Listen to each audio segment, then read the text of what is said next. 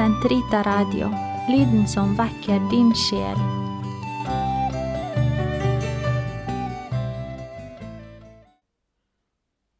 Den katolske kirkes katekisme, uke 15, mandag, paragraf 249 til 256. Den hellige treenighet i troslæren. Dannelsen av treenighetsdogme. Den hellige treenighet, som åpenbart sannhet, har helt fra begynnelsen av vært grunnvollen i Kirkens levende tro, særlig ved dåpen. Den kommer til uttrykk i dåpens trosregel. Den utmyntes i forkynnelsen, i katekesen og i Kirkens bønn. Vi finner treenighetsformuleringer allerede i de apostoliske skrifter, slik som denne, som også brukes i den eukaristiske liturgi. Vår Herres Jesu Kristi nåde, Guds kjærlighet og Den hellige ånds samfunn være med dere alle. I løpet av de første århundrer forsøkte Kirken å uttrykke sin tro på treenigheten med større nøyaktighet, både for å utdype sin egen trosforståelse og for å forsvare den mot vranglære. Dette arbeidet ble utført av de første konsiler, godt hjulpet av kirkefedrenes teologiske utdypelse og støttet av det kristne folks trosskjønn.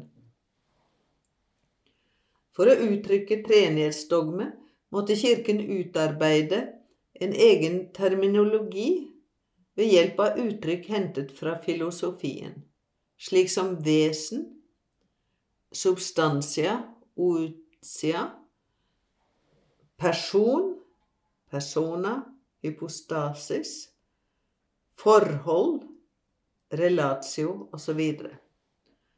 Den underkastet ikke dermed troen menneskelig visdom, men ga en ny og til da uhørt mening til begrepet som nå også skulle betegne et uutsigelig mysterium, uendelig hevet over alt vi kan fatte etter menneskers mål. Kirken benytter seg av begrepet vesen, substansia av og til også kalt essensia eller natur, for å betegne guddommens enhet.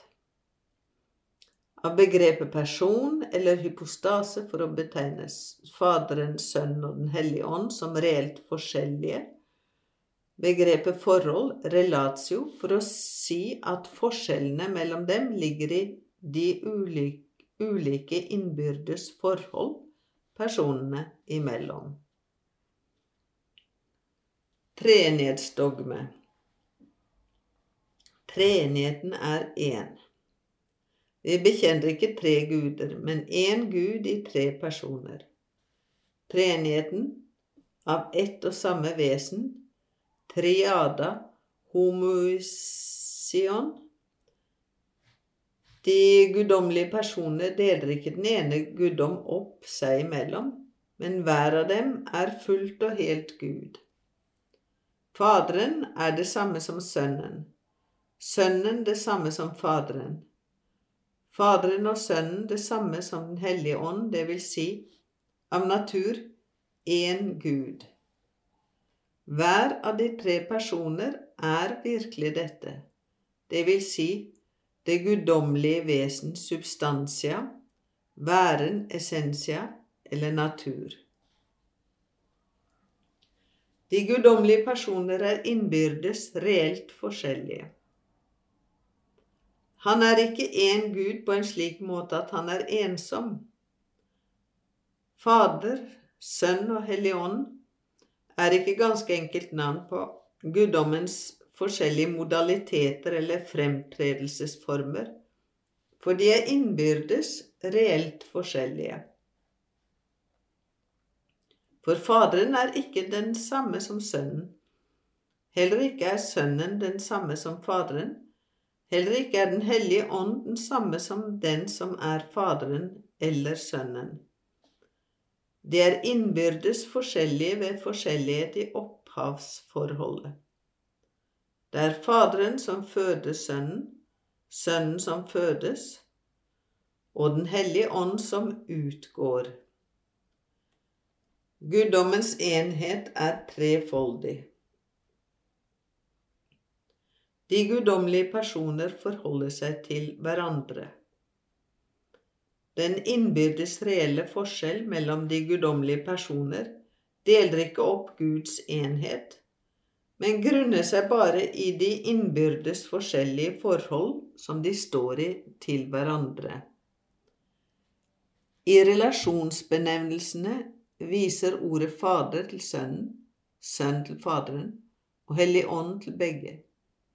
Disse som i forhold til hverandre kalles tre personer, tror vi imidlertid har én natur eller ett vesen. For alt er ett der hvor det ikke er noe motsetningsforhold. Takket være denne enhet er Faderen helt og holdent i Sønnen, helt og holdent i Den hellige ånd. Sønnen er helt og holdent i Faderen, helt og holdent i Den hellige ånd. Den hellige ånd er helt og holdent i Faderen, helt og holdent i Sønnen.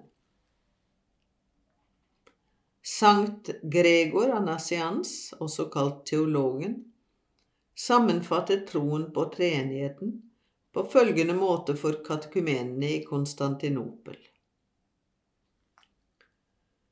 Fremfor alle ting ber jeg dere bevare denne skatt som jeg lever og kjemper for, som jeg vil dø med, den som får meg til å tåle meget ondt og kaste vrak på meget godt, nemlig bekjennelsen til troen på Faderen og Sønnen og Den hellige ånd.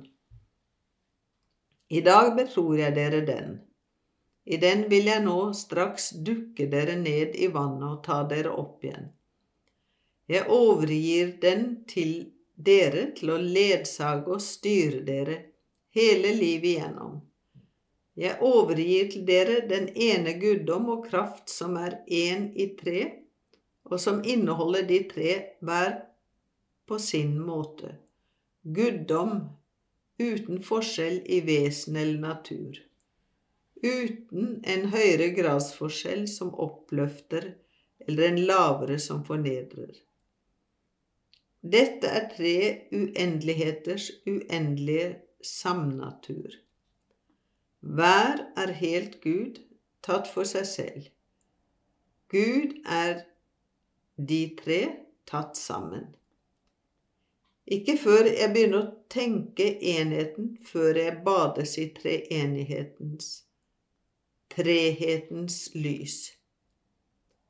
Ikke før begynner jeg å tenke treheten før enheten tar meg fatt.